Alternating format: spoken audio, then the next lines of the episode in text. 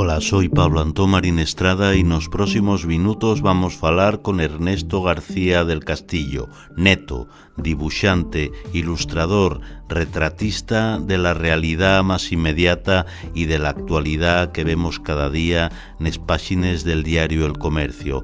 La sofa herramienta, la lingua asturiana, los pinceles y una imaginación capaz de retratar lo que somos o lo que podemos ser al través del lenguaje universal del humor y de el dibujo. Nayuri, un espacio a Fallaizu para falar posao.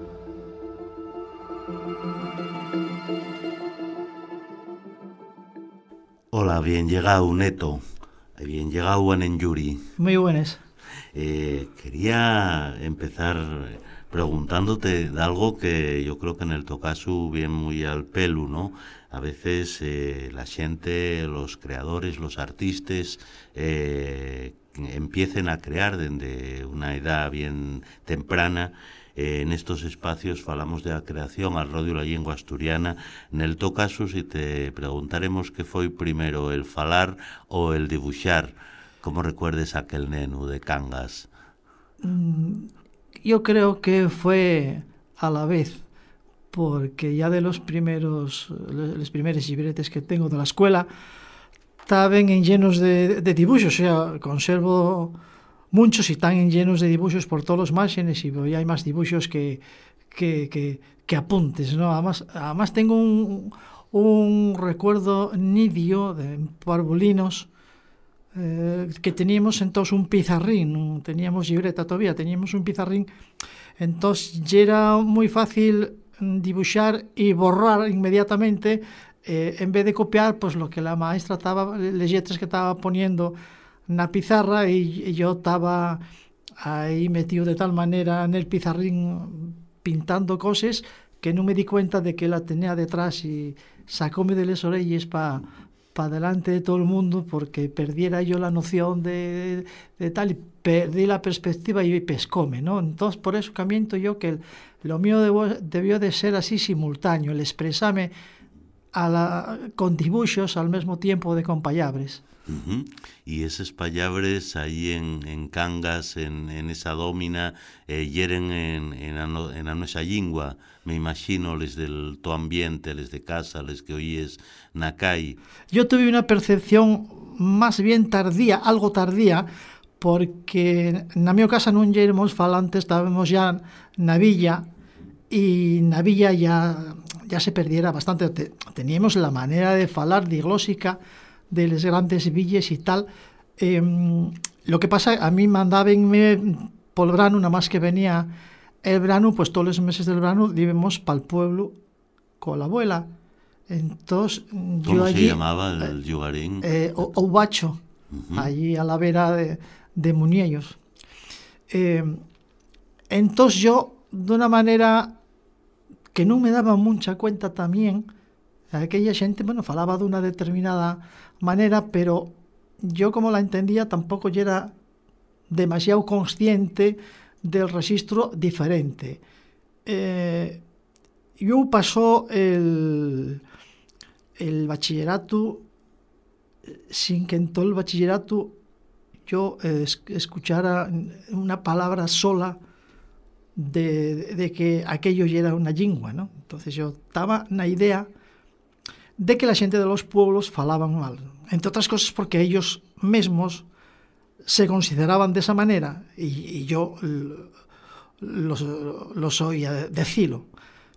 Lo que pasa que ya con 13, 14 años, de, esto que ya vas filmanando pensamientos y ideas y tal, y también a, a intrugarme cómo ye que falaban mal todos de la misma manera, o sea, como si hubiera un acuerdo generalizado de, de falar mal todos las mismas cosas, ¿no?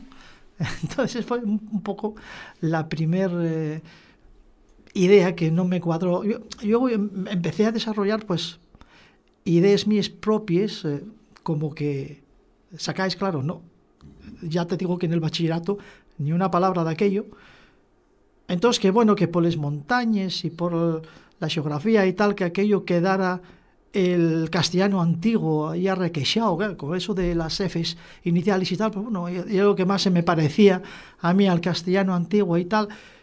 Y, y es curioso, y yo tuve que empezar a tomar conciencia y a conocer, conocer eh, la cultura propia y, y, y, y que aquello se trataba de una lengua cuando marché de Asturias y cuando fui para Madrid, en la etapa de estudiante. Ay, tuvo ah, que ser allí. ujú.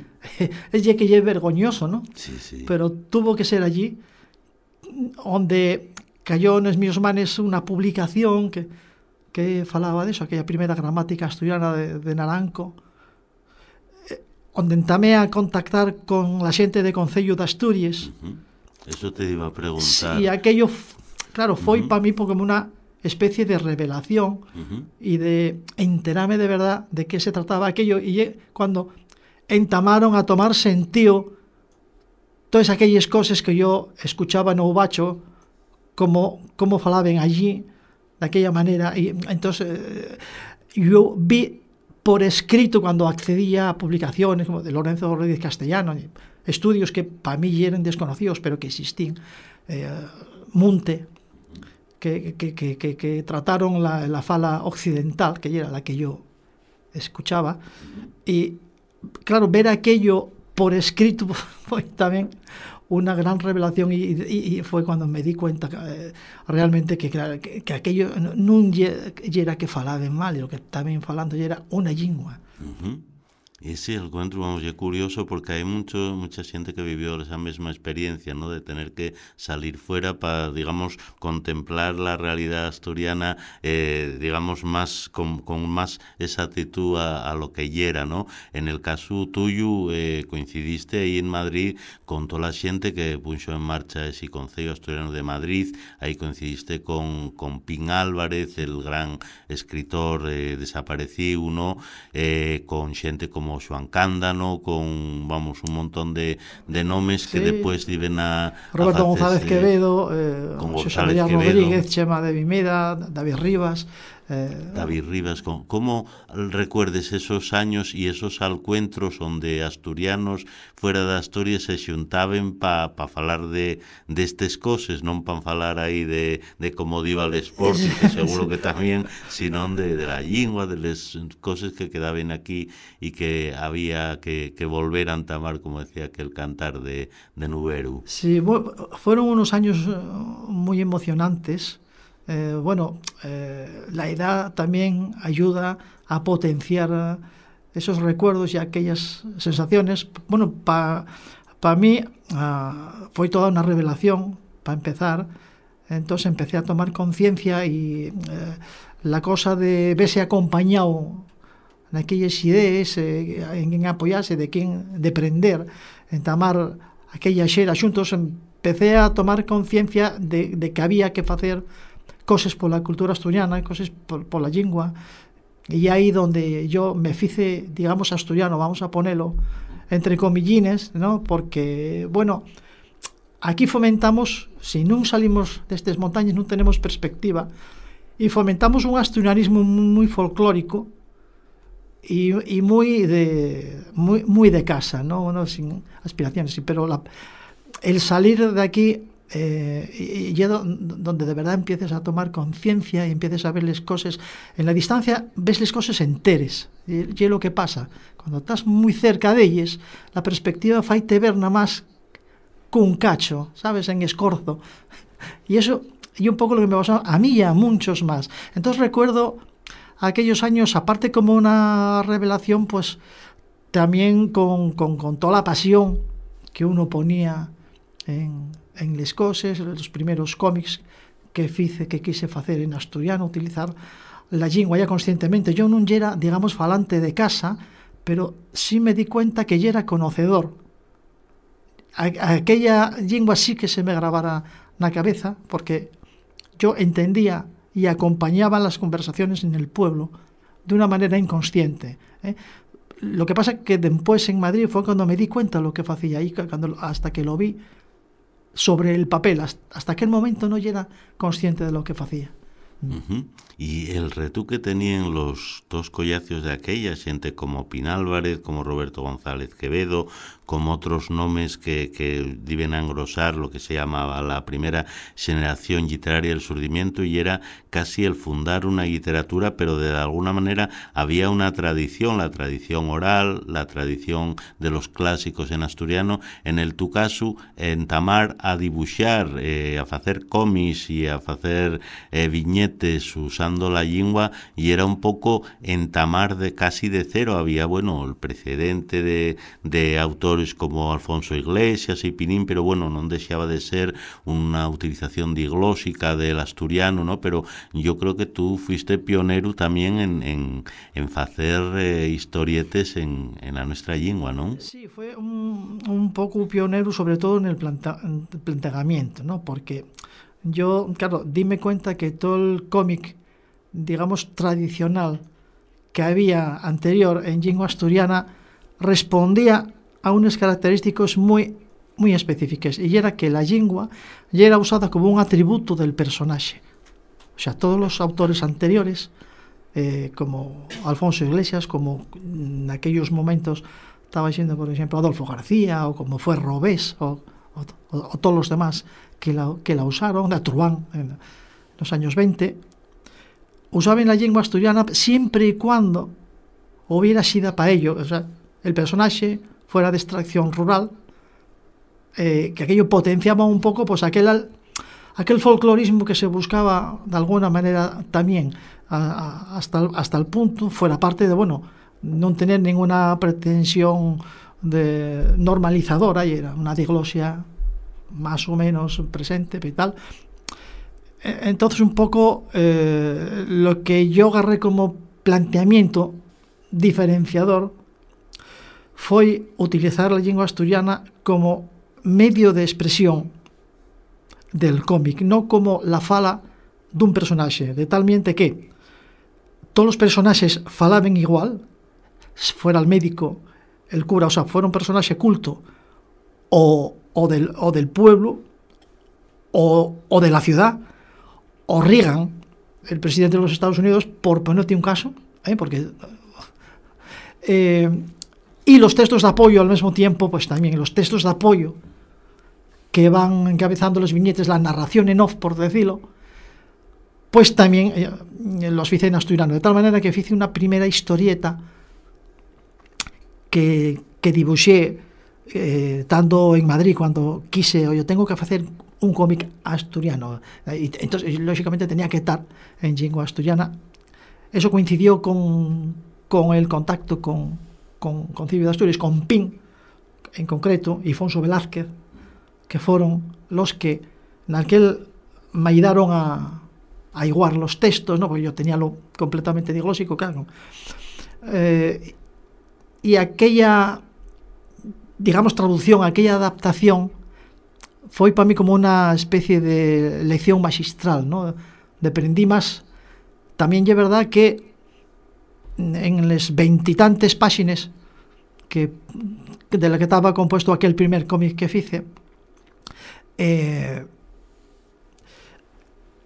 igual tardamos mes y medio porque cada viñeta non era decir pin non se limitaba a decir, bueno, este texto ponse así, no, no cada palabra me la explicaba, me decía la etimología, me decía por qué así, por qué de la otra manera, explicábame la ortografía, que de aquella teníamos en Concello una ortografía nuestra, que todavía non estaban las normas de la academia uh, aprobadas hasta unos años después.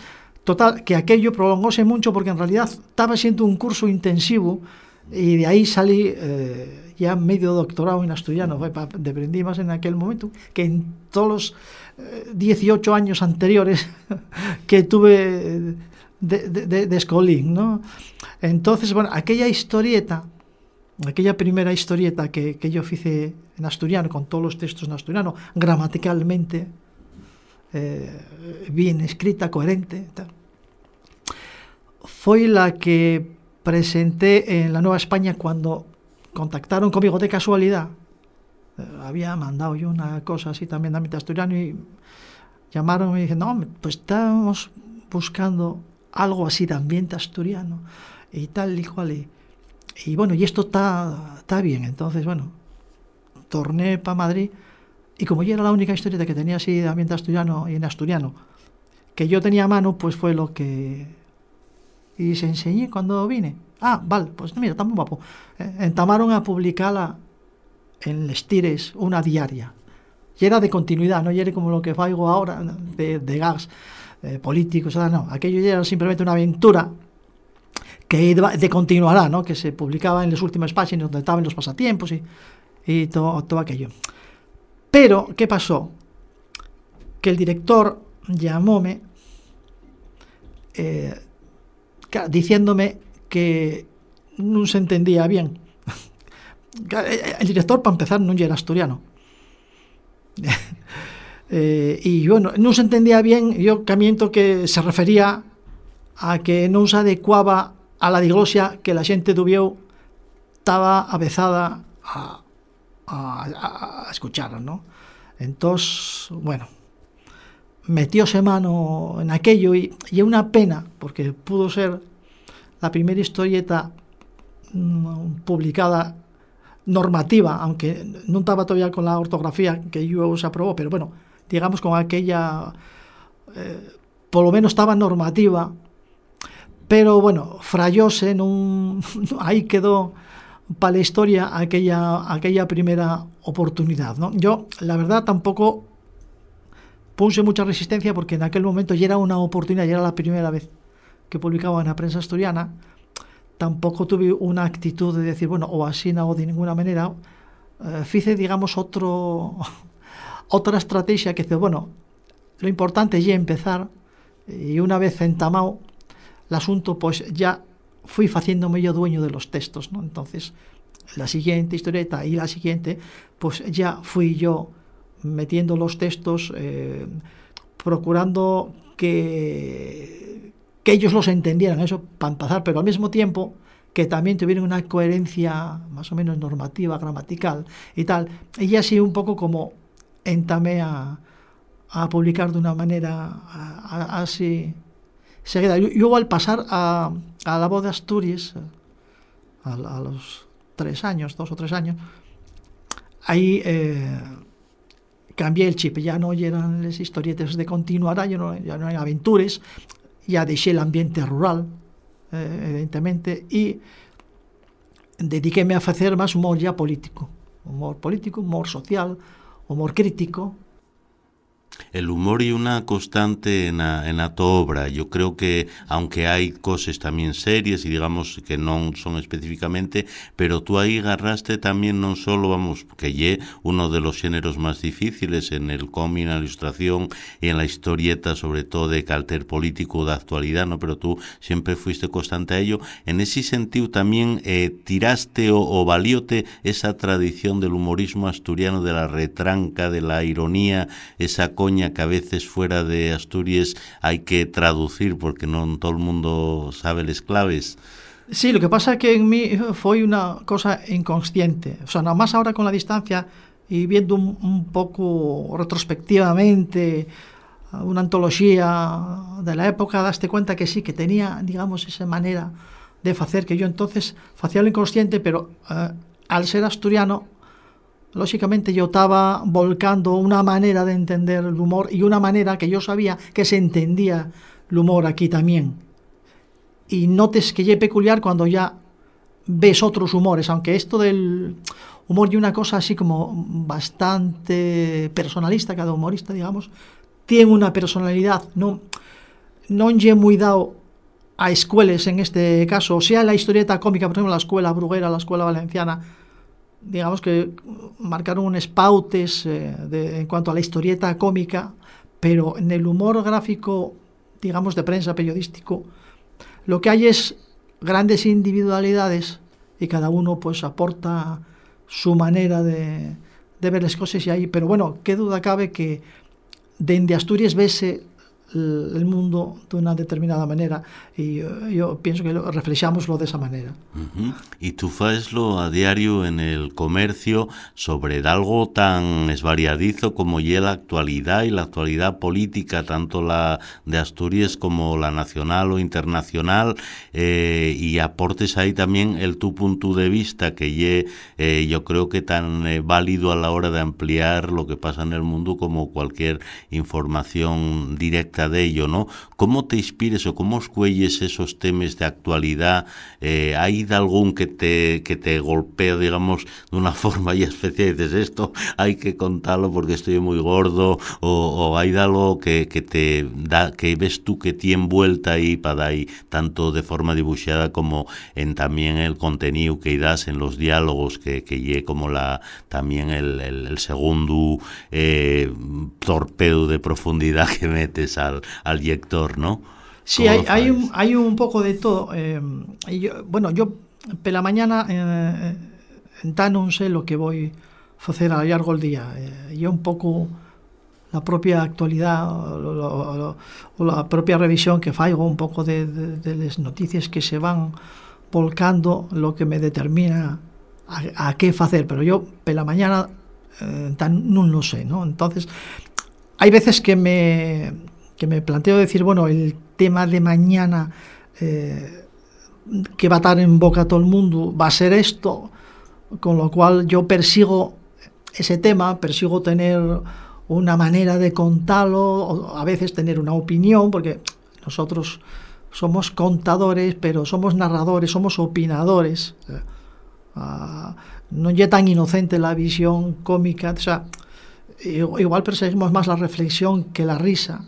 Eh? si, bueno, se poden dir tanto mellor, no? Pero outras vegais, mm, bueno, simplemente lle un ramalazo, unha inspiración, unha surriada que te bien mm, al ver determinada noticia que efectivamente no lle que vaya a ser el tema del día siguiente ni del siguiente, pero lle lo suficientemente digamos chocante como para que llame la atención y se saque chispa, ¿no? Entonces hay muchas eh, pequeñas noticias que a priori, pues bueno, tampoco que sean trascendentes, pero sí que dan mucho juego porque sí, también es verdad que pueden permitir ridiculizar comportamientos que que a, que a veces lleva un poco lo que lo que la parte que saques, ¿no? Uh -huh. A veces incluso esos esas ridiculizaciones de ciertos comportamientos vemoslos a diario también en los nuestros representantes políticos. Tú también eh, a veces los retrates, los caricaturices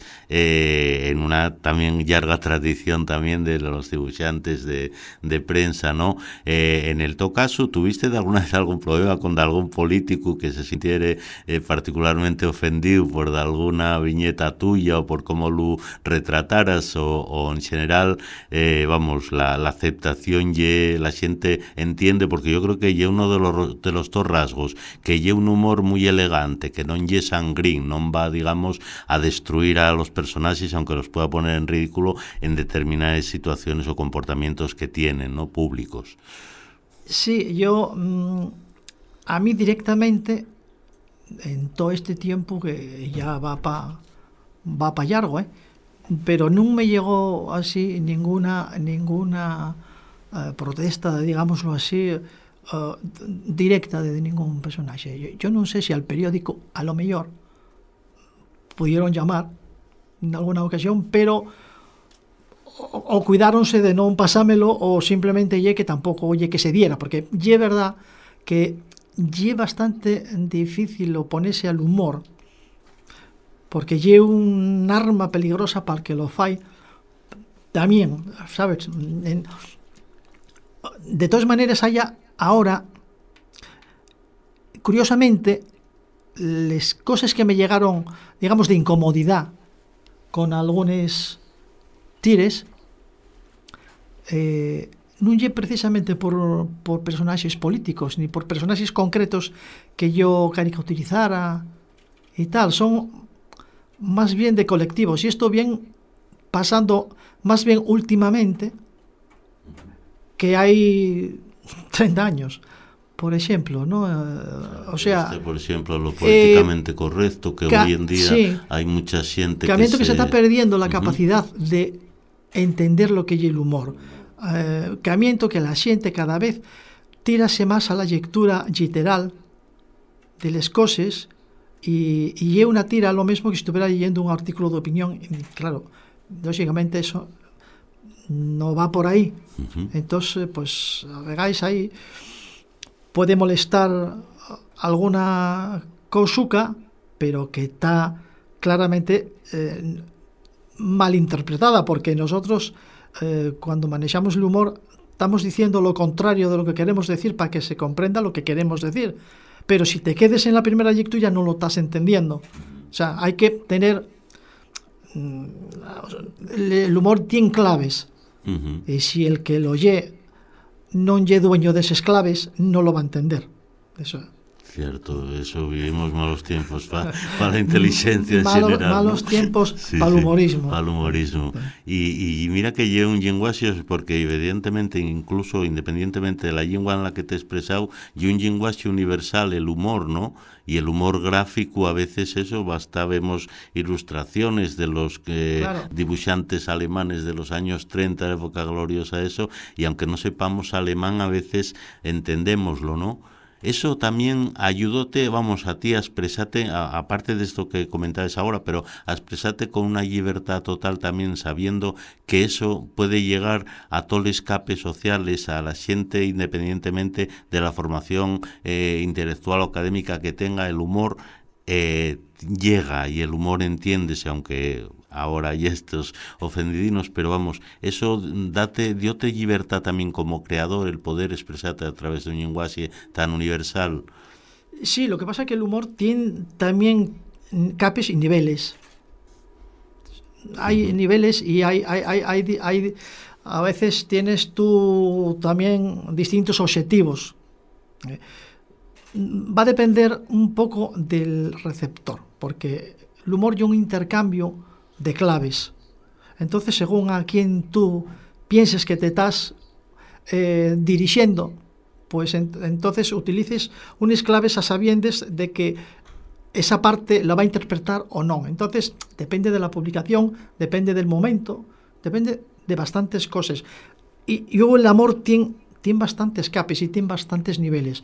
Hay un humor simplón, digamos, fácil o asequible, vamos llamarlo, que xoga con recursos que, bueno, que están máis al alcance de cualquiera, como son, pues, los xuegos de payabres que todo el mundo conoce, que cambies el sentido, y bueno, hay un tipo de humor que va por ahí que, bueno, lo que pasa que yo vas eh, queriendo acceder a claves cada vez más sofisticadas porque cuanto, digamos, más difícil o más inteligente sea la manera de descodificarlo y de entenderlo, también es verdad que es más intenso, más intenso lo que presta al que lo fai, eh, al que lo llega. O sea, uh -huh. ¿sabes? No, no causa el mismo efecto un humor simplón, aunque te dé una, una carcachada así de, de momento, ¿eh? pero un humor más, eh, digamos, con más carga de profundidad, con más pensamiento detrás, tipo el roto, uh -huh. o una, póngote por ejemplo, eh, cuando desentrañes ese tipo de humor, préstate más llegar, llegar a, a esa idea, ¿no? Uh -huh. Entonces, yo soy bastante ecléctico en ese sentido. Lo mismo faigo un día un chiste así blanco de cualquier, de cualquier cosa, pues, pues simplemente para que, para que tenga gracia. Como a veces busco un poco una idea un poco más elevada, aún a sabiendes de que, como, como pasa, de que no todo el mundo eh, a lo mejor llega capaz de, de, descodificarlo, ¿no? Porque, bueno, yo pregúntenme por la calle, oye, yo, el, el, de ayer no lo entendí muy bien y tal, igual. a veces pasa, pero, uh -huh. pero bueno, prefiero que haya algunos de esos porque el que lo desentraña, yo camiento que presta más. Cierto, y, vamos, y el fecho también cuando te expreses con, con el asturiano a través de estos viñetes, ves también una manera de llegar que a veces la literatura, la poesía, las novelas, las cosas que se fan en asturiano habitualmente no lleguen a tanta gente. En estos viñetes, aparte de salir eso en un periódico y aparte de del tu nombre conocido y de que hay mucha gente que te sigue, pero y también una buena herramienta de, de normalización social de, la lengua, porque llega todo el mundo. Sí, yo además siempre tuve claro, o sea, no, no toda la obra, nada más que parte, ahora, en estos momentos, eh, hubo, otro, hubo otros momentos en que yo o decididamente usaba la lengua asturiana nada más, pero bueno, también ya era verdad porque ya era posible, había una, hasta la llegada de las noticias, por ejemplo, que era una publicación específica para eso, ahí puse desendolcar pues toda una obra ahí específicamente en esto, pues ahora pues digamos que voy combinándolo. Ahora sí, sí tengo un criterio eh, y en eso sí que nunca me salgo, que hay un poco lo que te comentaba antes. Uso la lengua eh, si ye, eh, una lengua, si ye el medio de expresar, no porque el personaje sea un campesino o un pueblerín tenga que falar en asturiano o, o, si, sino que igual igual faigo unha parexa de científicos ou un personaxe como como Donald Trump eh, falando, porque moitas veces dice, coño, un, un como va a falar Donald Trump en asturiano que yo? bueno, tú ves películas del oeste, sí. Dice, bueno, cuando cuando los indios falen en español, a ti parece normal que un indio fale en español. Pues eh, pues no, no, y, y, y, pues ya lo mismo. Ya lo mismo de, raro. Yo uso la lengua como lengua, pa, un poco para demostrar que se puede expresar cualquier tipo de idea y de situación.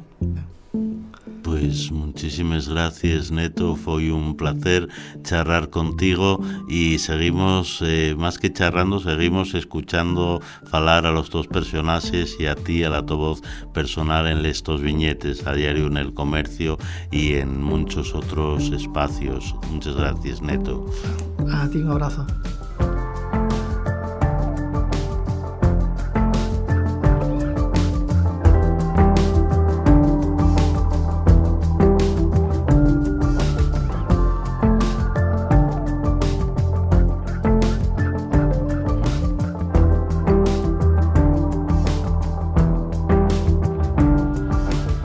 Na Yuri, un espacio a Fallaizu pa falar posao.